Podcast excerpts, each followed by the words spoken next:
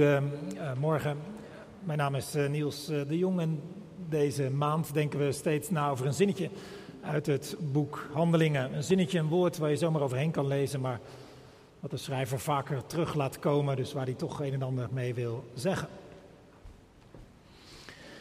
De Britse denker David Goodhart maakte ooit het onderscheid tussen anywheres en somewheres. Oftewel overal mensen en ergens mensen. Overal mensen zijn niet aan een plek gebonden, maar voelen zich overal snel thuis en ze wisselen dan ook vaak van werk en woonplek. Ze binden zich niet snel en ze kunnen het overal maken. Althans, zo voelt dat voor hen. Ergens mensen zijn anders.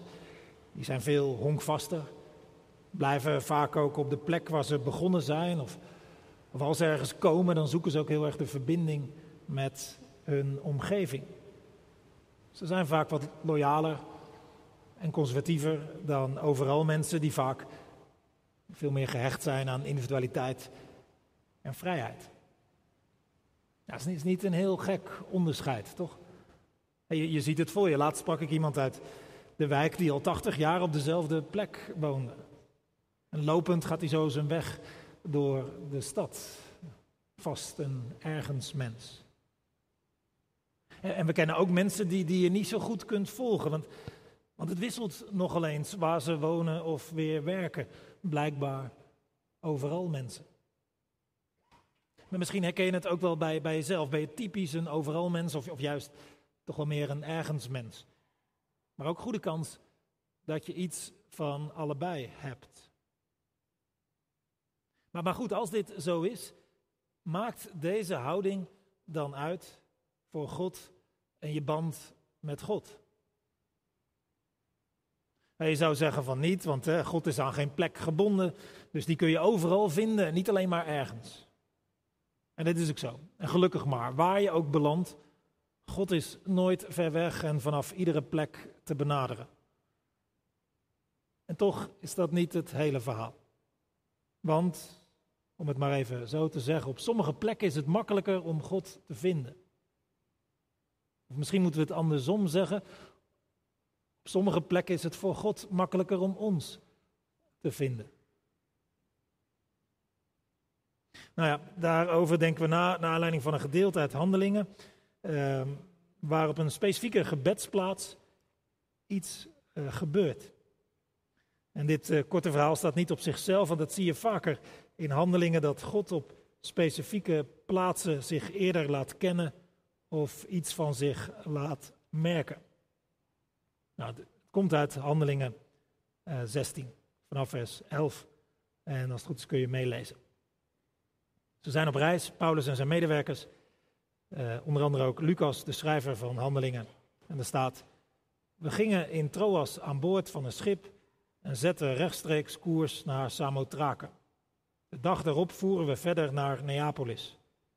Vandaar reisden we naar Filippi, een belangrijke stad in dat deel van Macedonië. In deze stad, die volgens Romeins recht wordt bestuurd, bleven we enkele dagen. Op sabbat gingen we de stadspoort uit in de richting van de rivier, want we vermoeden dat daar een gebedsplaats was. We gingen zitten en spraken de vrouwen toe die daar bijeen waren gekomen. Een van onze toehoorsters was een vrouw uit Thyatira die in purperstoffen handelde. Ze heette Lydia en vereerde God. De Heer opende haar hart voor de woorden van Paulus. Nadat zij en haar huisgenoten waren gedoopt, nodigden ze ons uit met de woorden: Als u ervan overtuigd bent dat ik in de Heer geloof, neem dan bij mij uw intrek. Ze drongen bij ons sterk op aan. En we staan dan stil bij dat, uh, bij dat woord gebedsplaats of in een andere vertaling. Uh, dat ze gingen naar de plaats waar gewoonlijk werd gebeden. Maar even, even waar zitten we nou precies in dit verhaal? Nou, in het grote verhaal van het boek Handelingen is dit de tweede reis van Paulus, zijn tweede grote missie. Die tweede gaat nog verder dan de eerste. Aan het begin van Handelingen 16 wordt de oversteek gemaakt naar Europa provincie Macedonië, om precies te zijn. Een belangrijke stad in die provincie is dan Filippi. Niet alleen een belangrijke stad, maar ook een bijzondere stad, omdat hij naar Romeins recht werd bestuurd, staat er. Het was een soort kolonie. Het, het gold als een vrij stukje Italië in een verder door de Romeinen bezet gebied. En in die kolonie woonden veel eh, veteranen. Zij die gediend hadden in het Romeinse leger en weer waren teruggekeerd in het burgerleven. Dus Paulus komt hier, eh, terwijl hij nog maar net in Europa is, al op Romeins grondgebied. Dus niet alleen geografisch gezien is hij verder dan ooit, maar ook op cultureel, politiek en religieus gebied is hij ver van huis. En ook daar probeert hij dan ingang te vinden voor zijn boodschap, het goede nieuws van Jezus Christus. En nou is het de gewoonte van Paulus om altijd te beginnen bij de Joden. Omdat zij al vertrouwd waren met God, de boeken, de oude boeken over God, en zij de verwachting hadden van een Messias. Dat God via zo'n Messias zou ingrijpen. Bij hen heeft Paulus iets om bij aan te sluiten. En, en bij die Joden zijn ook bijna altijd wel mensen van niet-Joodse afkomst die de God van de Joden zijn gaan vereren. Of in ieder geval heel veel belangstelling daarvoor hebben. En als die mensen christen werden, ja, dan vormden zij vaak weer een brug naar niet-Joodse mensen. Mensen die nog helemaal niets met God hadden of daar nog niets van wisten. Nou, deze op zich slimme strategie lijkt in Filippi moeilijk. Want er is geen Joodse synagoge in de stad. Maar buiten de stad, dat vermoeden Paulus en zijn medewerkers althans, is er misschien toch iets van een gebedsplaats. Misschien had hij dat ergens gehoord, misschien wist hij dat uit andere steden, maar ze gaan de stad uit langs de rivier in de hoop zo'n groepje, zo'n gebedsplaats te ontmoeten. En dat gebeurt er.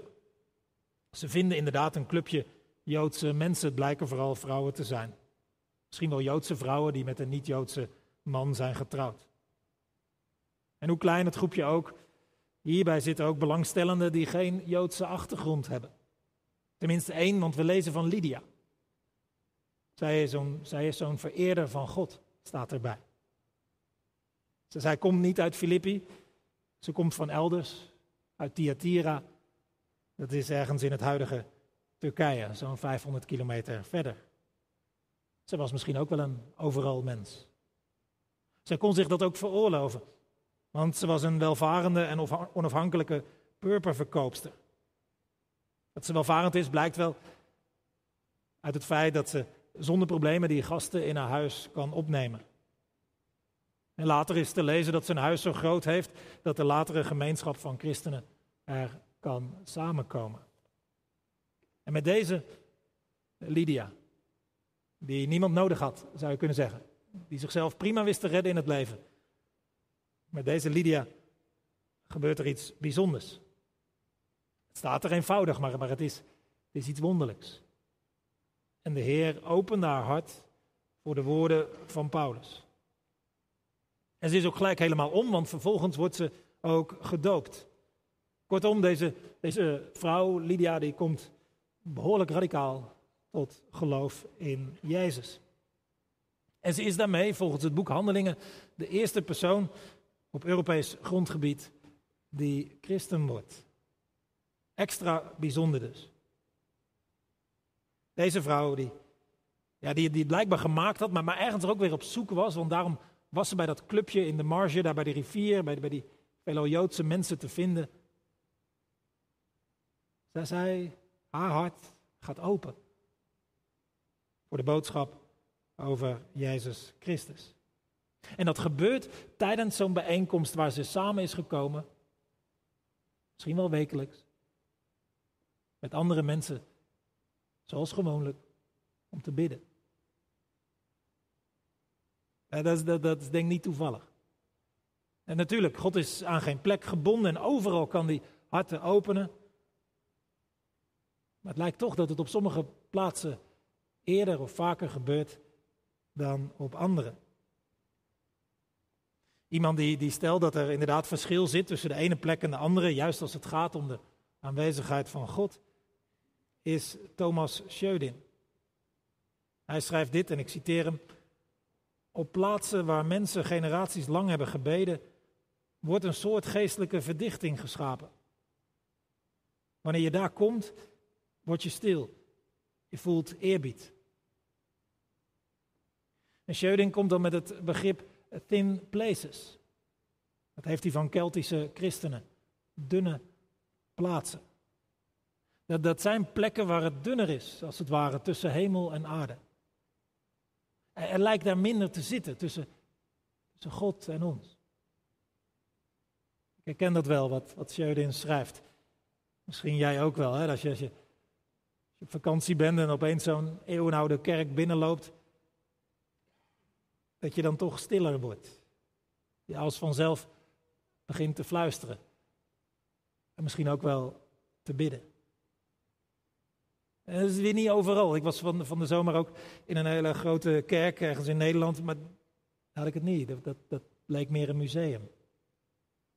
Waar weinig eerbied of besef van God leek het zo. Het kan natuurlijk ook aan mij leggen. Maar de ene plek is de andere niet. Nou ja, in, dat boek van Schödin nodigt hij zijn lezers uit om zulke plekken op te zoeken. Hij zegt, ja, ook al, ook al weten we dat we overal kunnen bidden, die gedachte moet nooit uitgespeeld worden tegen het verschijnsel van speciale plekken. Dus ja, we kunnen overal bidden, God zij dank. En blijf vooral ook overal bidden. Maar speciale plekken helpen. Die helpen om te bidden. En zulke plekken kun je, kun je zelf creëren. Een plek in je huis bijvoorbeeld, waar als je daar een gewoonte van maakt om juist daar te bidden. In een bepaalde stoel of met een gebedschrift of ergens waar je op je knieën gaat of, hoe dan ook. Dat je merkt dat het op die plek steeds makkelijker wordt om te bidden. En zulke plekken kun je ook buitenshuis opzoeken. Plekken die, omdat ze al lang zijn of zoveel mensen samen hebben gebeden, dat het van die speciale plekken zijn geworden. Waar het dunner is tussen hemel en aarde. God en ons. Nou ja, zo'n speciale plek was er. Buiten de stad, aan die rivier, in de buurt van die Romeinse stad Filippi. En precies daar wordt het hart geopend van Lydia. En ik denk niet alleen op basis van het boek van Schödin dat dit niet toevallig was. Ik denk het ook op basis van het boek Handelingen zelf.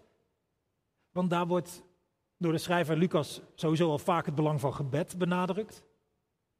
Maar ook het hebben van gebedsplaatsen. Dat doet Lucas ook in het eerste boek dat hij schreef, een levensbeschrijving van, die, van Jezus. En in die levensbeschrijving gebeuren vaak bijzondere dingen in de tempel of in een synagoge. En Jezus wijst daar ook op het, op het belang van het hebben van zo'n speciale plek voor, voor jezelf. Een binnenkamer noemt hij dat. Een, een plek waar het stil is. Waar je even geen afleiding hebt. En in het boek Handelingen, daar, kun je ook van dat soort dingen lezen. Bijvoorbeeld misschien wel het grootste verhaal uit dat boek. De uitstorting van de Heilige Geest. Waar, waar is dat? Op die plek waar die eerste leerlingen, staat er, zich wijden aan het gebed. Daar, daar, daar, daar gebeurt het. Daar stort Gods geest, daar wordt Gods geest uitgestort. En, ietsje verder, daar komen die eerste leerlingen bij elkaar en een, heel indrukwekkend gebed staat er geschreven. En, en, er staat dat de, de aarde begon te beven en ze werden alle vervuld van de Heilige Geest. Weer, er gebeurt iets heel bijzonders, precies. De plek waar ze samen aan het bidden waren. Nog een ander voorbeeld, op een gegeven moment staat er dat Petrus op het dak van een huis gaat bidden. Hij, hij trok zich terug, wilde even, even rust. En juist daar krijgt hij een visioen en wordt alles anders voor hem. Nog, nog een voorbeeld in Handelingen 13, een gebedssamenkomst. Waar, waar, waar mensen het idee krijgen dat, Gods geest hen, hen zegt om Barnabas en Paulus weg te zenden. De wereld door. Nou, en, en zo zijn er nog veel meer voorbeelden. En al die voorbeelden laten zien dat Handelingen 16, die gebedsplaats daar, en dat er juist dan iets gebeurt. Dat dat niet op zichzelf staat. Het is een patroon. Als er op een bepaalde plek wordt gebeden, zeker als er samen wordt gebeden, en helemaal als er al langer gebeden wordt. Dan kan er zomaar iets bijzonders gebeuren. Dan komt Gods geest. Dan gaan harten open. Krijgen mensen nieuwe richting. Dat is ook weer niet helemaal nieuw vanuit het boek Handelingen. Dat, dat, zie je ook in het Oude Testament voortdurend. Hè? Bijvoorbeeld Daniel die een vaste plek heeft tot, tot die tempel die een belangrijke rol speelt. En dat er steeds weer aan de mensen daar plekken gegeven worden om te bidden. Of dat ze zelf plekken maken of creëren om te bidden voor zichzelf of met anderen samen.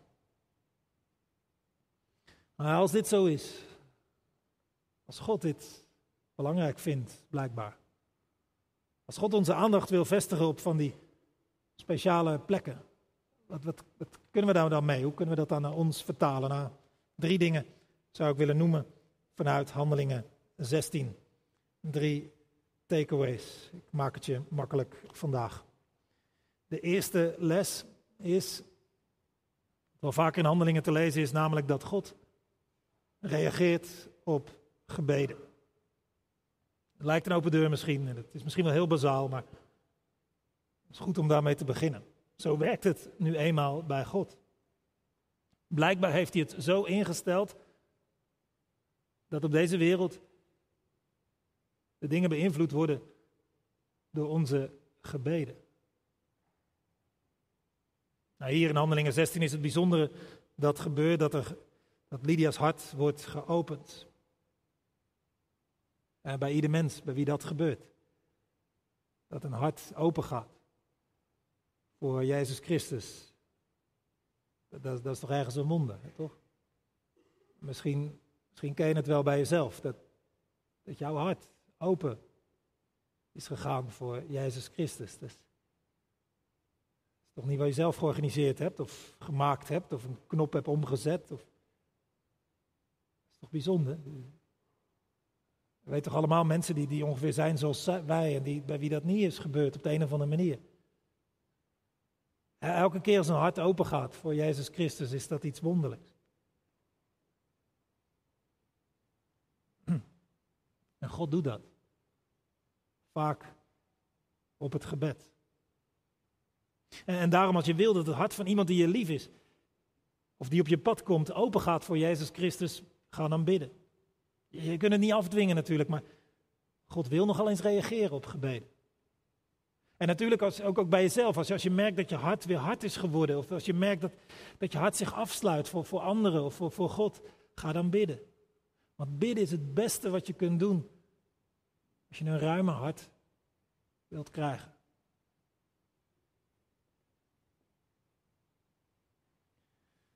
En de tweede, de tweede takeaway uit Handelingen 16, die gebedsplaats aan die rivier bij Filippi was geen eeuwenoude prachtige kerk. Het was ook niet een fijne kapel die daar al tijden stond. Het was al helemaal geen tempel zoals in Jeruzalem ooit gebouwd. Nee, het was een geïmproviseerde plek ergens in de natuur. Dat kan dus ook. Waarschijnlijk gekozen uit pragmatische overwegingen bij een rivier, handig vanwege het Joodse geloof met ook nadruk op de rituele reinheid. Waarschijnlijk ook handig, omdat je daar een beetje jezelf buiten het rumoer van de stad had geplaatst. En waarschijnlijk ook nog handig als je misschien als heel, heel kleine minderheid misschien ook niet al te veel wilde opvallen. Goed om tot zulke plekken te komen. Zelf geïmproviseerd. Of dat je aansluit bij die plekken die al langer geleden door anderen zijn gecreëerd. God heeft dat niet nodig. Maar wij kunnen dat zo goed gebruiken. Daarom zorg dat je zulke vaste plekken hebt. Zelf geïmproviseerd, samen met anderen bedacht. Of aansluitend bij een plek die er al tijdenlang is. Zulke vaste plekken zijn goed voor je geloof. dat kan thuis, ergens in de natuur, in een kerkgebouw. Het hoeft niet eens een fysieke plek te zijn, het kan ook een, een groep zijn die met regelmaat samenkomt. Een kring waar, waar, je, waar, waar je weet van ja, als ik daar kom, dan wordt ook gebeden. Samen, of met elkaar of voor elkaar. Dan wordt zo'n kring ook zo'n gebedsplaats. Maar het kan ook wel een fysieke plek zijn, hè? een kerkgebouw als, als deze. Waar je op zondag bij elkaar komt. Waarvan je weet, ja, als ik daarheen ga, zondag, dan gaan we ook bidden. Ook als ik zelf geen woorden heb om te bidden, dan bid ik mee met de liederen, met de gebeden die gebeden worden. En misschien ga ik in die stilte die er ergens aan het eind van de dienst ook altijd is, misschien toch zelf weer bidden. En niet voor niets wordt een kerkgebouw ook nog alleen zijn huis van gebed genoemd. Lucas prijst in zijn verhaal zulke gebedsplaatsen aan. Thomas Schödin doet hetzelfde. Want, zegt hij, wij hebben plekken nodig om ons te oriënteren. En hij gebruikt dan drie woorden: thuishavens, uitgangspunten, lanceerplatformen. Gebedsplaatsen zijn bij uitstek zulke plekken, thuishavens. Waar je even thuis kunt komen bij God. Uitgangspunten. Waar je weer, weer kunt, vandaan kunt gaan. Hè? En lanceerplatformen waar je bij een andere toe gaat.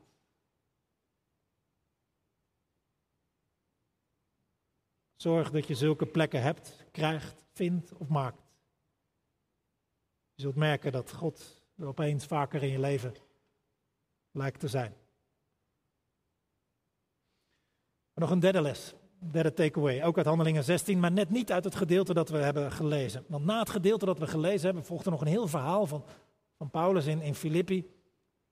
En er ontstaat enorm veel gedoe, veel weerstand, tegenwerking, zelfs mishandeling en gevangenschap voor Paulus en Silas.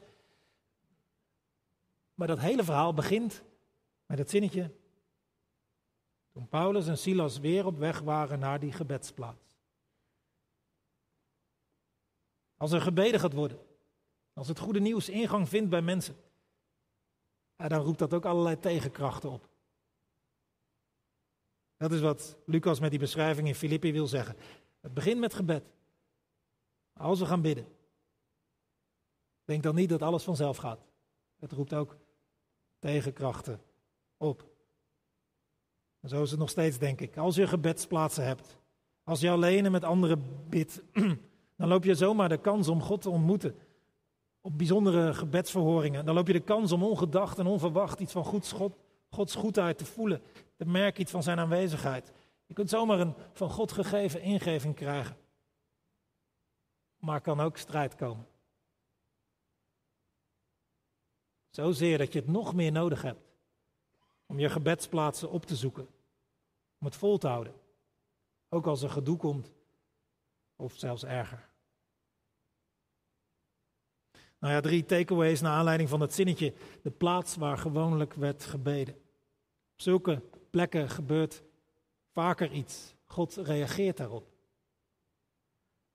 Zulke gebedsplaatsen heeft God niet nodig. En wij kunnen ze zo goed gebruiken. Ze zijn zo goed voor ons geloof. Voor de aanwezigheid van God in ons leven. En drie, als we blijven gaan naar die plaatsen waar gewoonlijk wordt gebeden, komen er ook tegenkrachten. Kan er ook strijd zijn. Ten slotte nog even terug met waarmee ik begon. Ergens mensen en overal mensen. Dat onderscheid zegt iets over hoe we in het leven staan. Of willen staan. En als wij mensen, of nou overal mensen zijn of ergens mensen of iets ertussenin, als wij mensen willen geloven of blijven geloven, dan moeten we bidden. En om te bidden helpen bepaalde plaatsen. Ja, helpen ook bepaalde momenten, vaste momenten. Helpen bepaalde mensen. Mensen die je leren bidden of die je hoort bidden of met wie je kunt bidden. Maar vaste plaatsen, die helpen ook. En het hele verhaal van vandaag, je mag, mag je alles vergeten. Maar dan zou ik willen zeggen, zorg. Dat je zulke plaatsen hebt en houdt. Waar je ook komt. Of je de rest van je leven op ongeveer dezelfde plek je beweegt, of dat je overal en ergens te vinden bent. Zorg altijd weer voor zulke plekken. Anders kan God zomaar op de achtergrond van je leven raken. Zou je hem nog kwijtraken. En als je God kwijt bent, dan kom je nergens meer. Dan doe je maar wat, zonder richting, zonder thuishaven, zonder uitgangspunt, zonder lanceerplatform. Dat zou zonde zijn. Ga naar die gebedsplaatsen, maak er een gewoonte van. En zomaar kans dat er dan, nee zeker niet altijd, maar zomaar kans dat er dan wat gebeurt. Iets van God. Zomaar kans dat je hart open gaat. Voor het eerst of voor de zoveelste keer. En zo'n plek waar ook zomaar iets van God kan gebeuren is het avondmaal. En of je nu een overal mens bent of een ergens mens of iets van allebei, dat avondmaal is voor alle soorten mensen. Het, het avondmaal is ook zo'n speciale plaats die Jezus in het leven heeft geroepen. Een plaats waar God te vinden is. Een plaats waar wij voor God te vinden zijn. Want op die plaats, bij dat avondmaal, daar denken we aan Jezus Christus. En we krijgen een tastbare herinnering met dat stukje brood en die slok wijn. En hoe het precies werkt, weet ergens niemand. Maar vaak waar het avondmaal gevierd wordt, op die plaats, is de hemel dichterbij. En vaak als je avondmaal viert, wordt je hart ruimer. En komt er plaats voor God en Gods liefde. Er is ruimte bij het avondmaal voor jou als we dit vieren. Het is voor iedereen die in Jezus Christus gelooft en in zijn spoor zijn leven wil gaan. Van welke achtergrond je ook bent. Wees welkom om mee te doen. Straks wordt het uitgedeeld, wijn. De middelste cupjes bevatten geen alcohol, de buitenste randen wel. Doe wat verstandig is. En ook het brood wordt uitgedeeld. Neem er iets van en als iedereen heeft, dan zullen we dat tot ons nemen. Na een aantal woorden van mij. Maar eerst luisteren we ook naar een lied. Dat zowel aansluit bij de preek als ons ook helpt voor te bereiden op het avondmaal. Amen.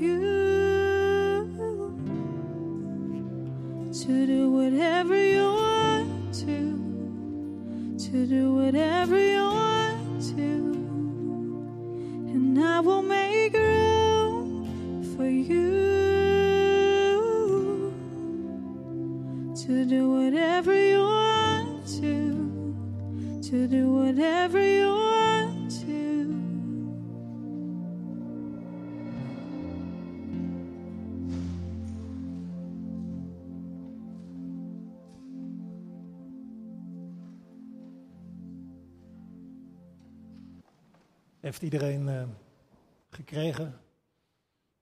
Er is één rij nog niet.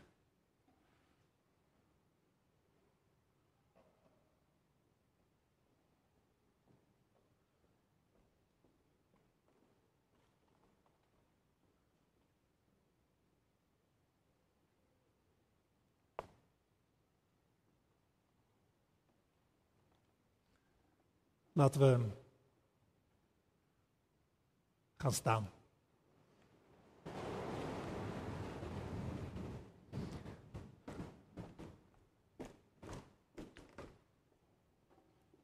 We vieren dit avondmaal in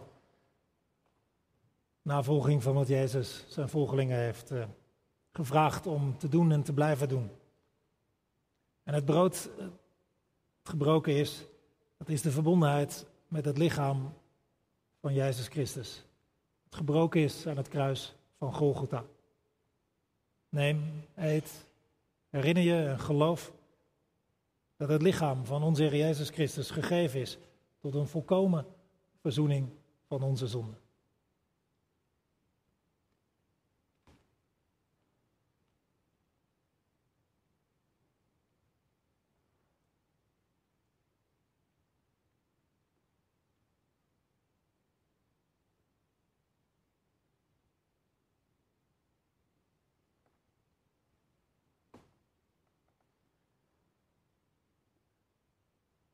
De wijn van dit avondmaal staat voor het vergrote bloed van Jezus Christus.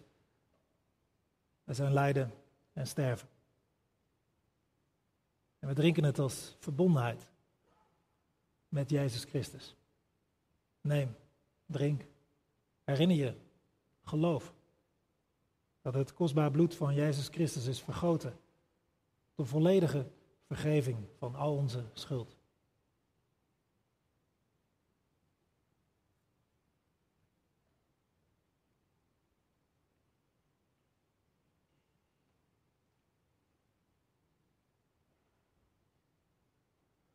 Mag gaan zitten en dan zullen we danken.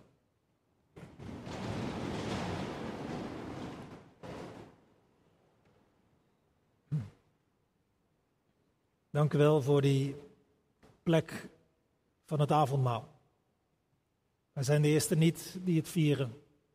En ook de enige niet die het vieren. Overal op de wereld komen mensen samen voor dat brood en die wijn. En ook wij vandaag. Dank u wel dat u ons er zo van wil verzekeren. Dat u ons ziet, ons kent, ons vergeeft, ons een nieuw begin geeft. Ons uw liefde gunt. Dank u wel.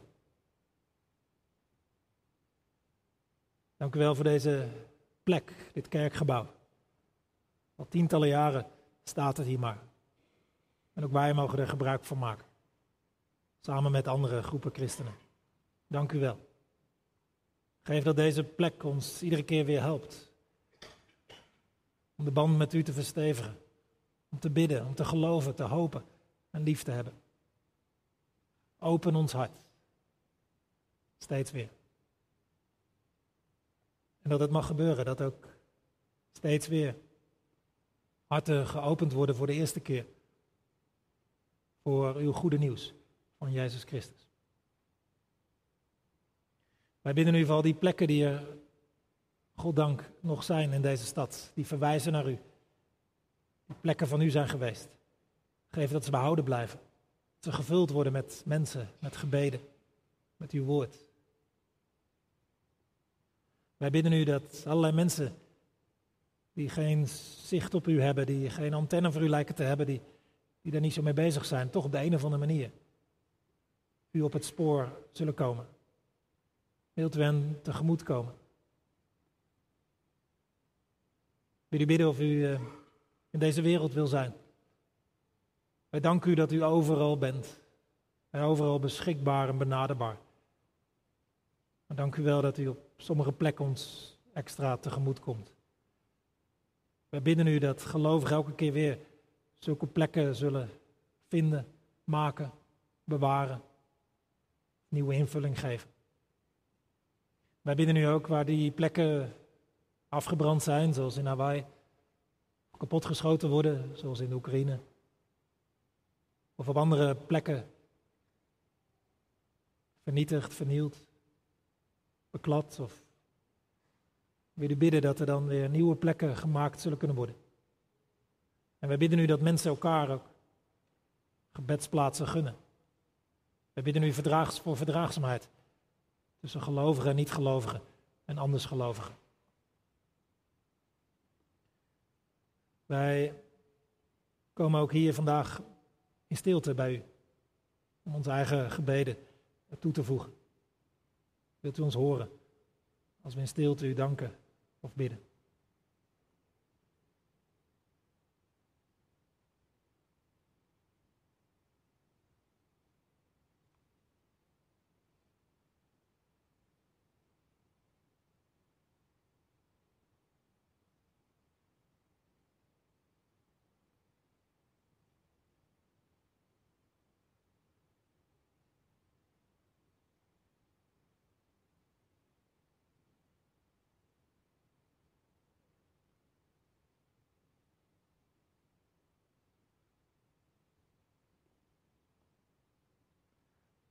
Hoor ze ons bidden en danken in de naam van Jezus Christus. Amen.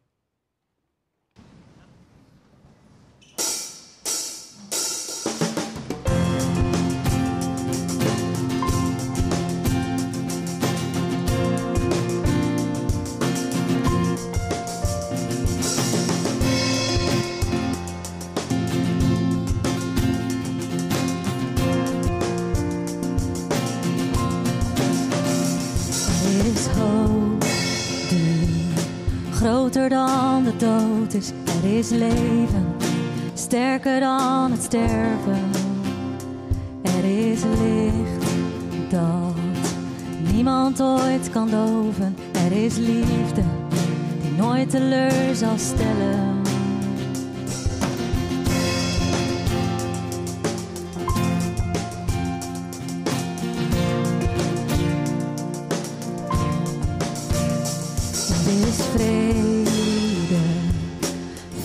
Voorbij de onrust. Er is blijdschap, dieper dan de tranen.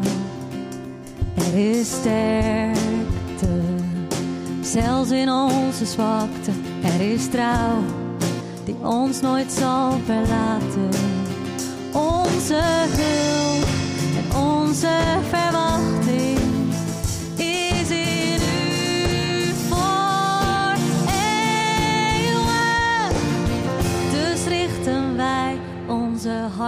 naar boven. Vertrouwen wij op de God die wij loven. Niemand die ons uit uw handen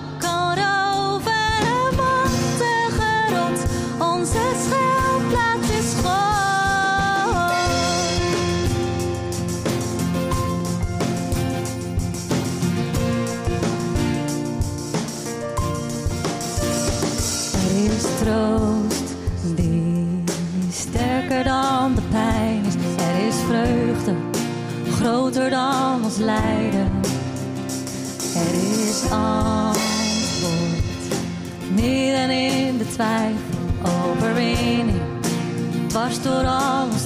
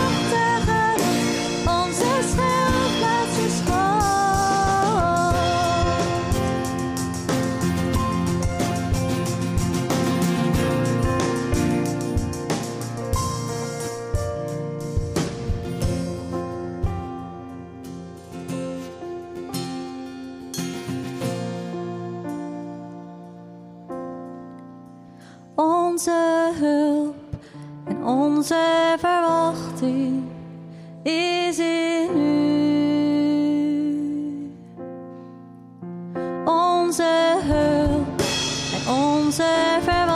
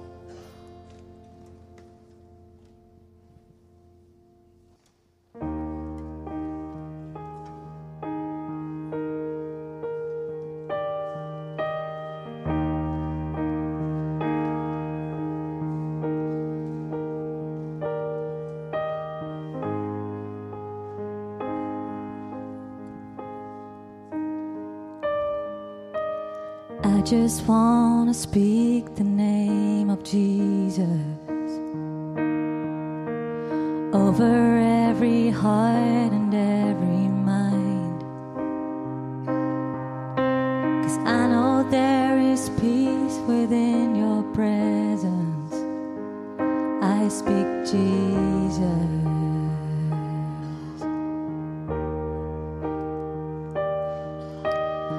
Just want to speak the name of Jesus.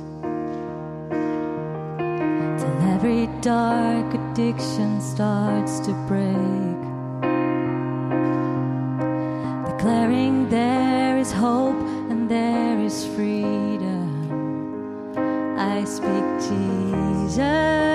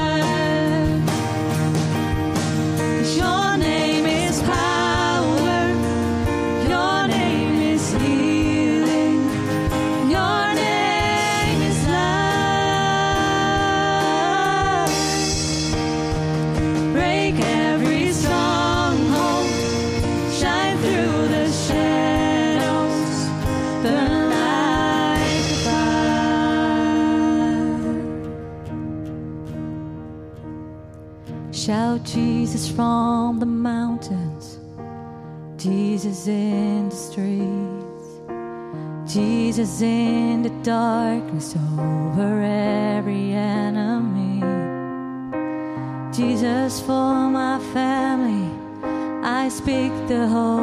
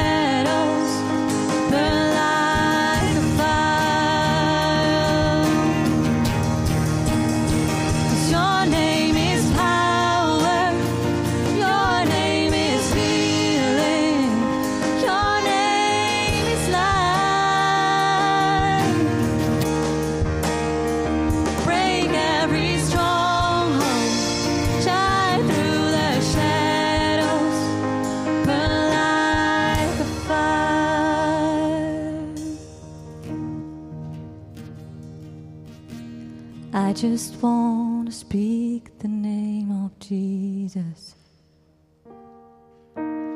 over every heart and every mind.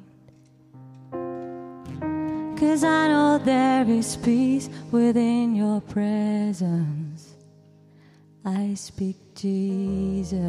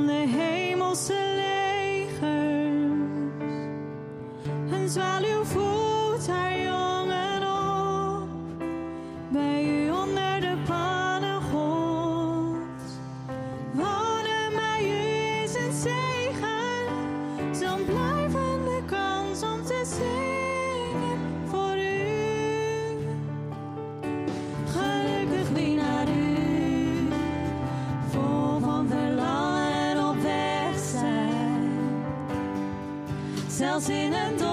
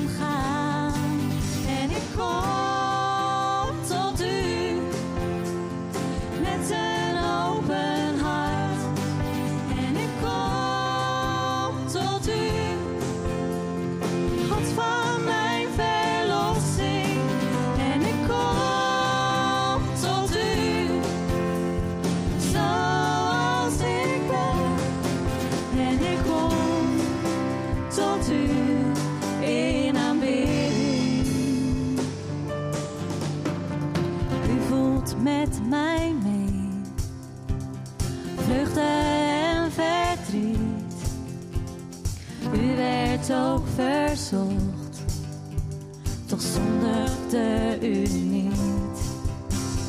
Daarom mag ik nu met vrijmoedigheid komen tot uw troon. In uw aanwezigheid.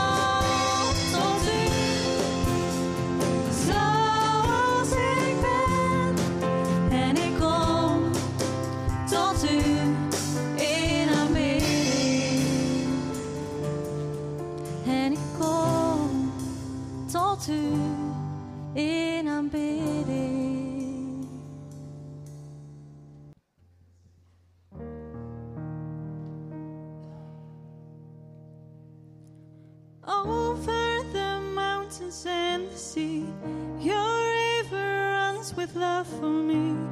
And I will open up my heart and let the healer set me free. I'm happy to be in the truth, and I will daily lift my hands,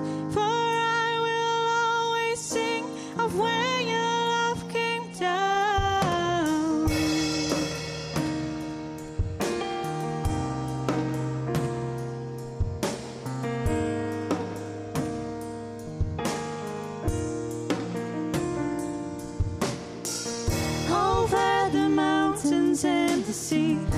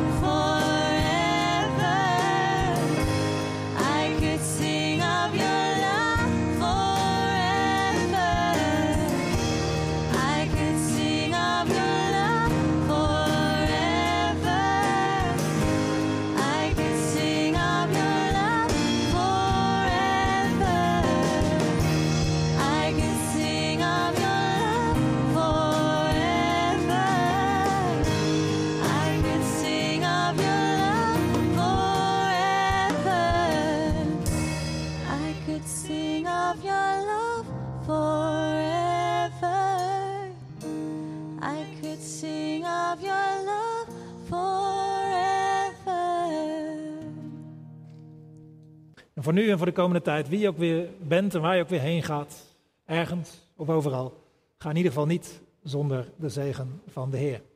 De Heer zij voor je om je de weg te wijzen. De Heer zij naast je met je mee te gaan van stap tot stap. De Heer zij onder je om je op te vangen als je struikelt. Rondom je om je te beschermen tegen de boze. In je om je te troosten en boven je om je te zegenen. En zo zegenen de Heer vandaag, morgen en voor altijd. Amen.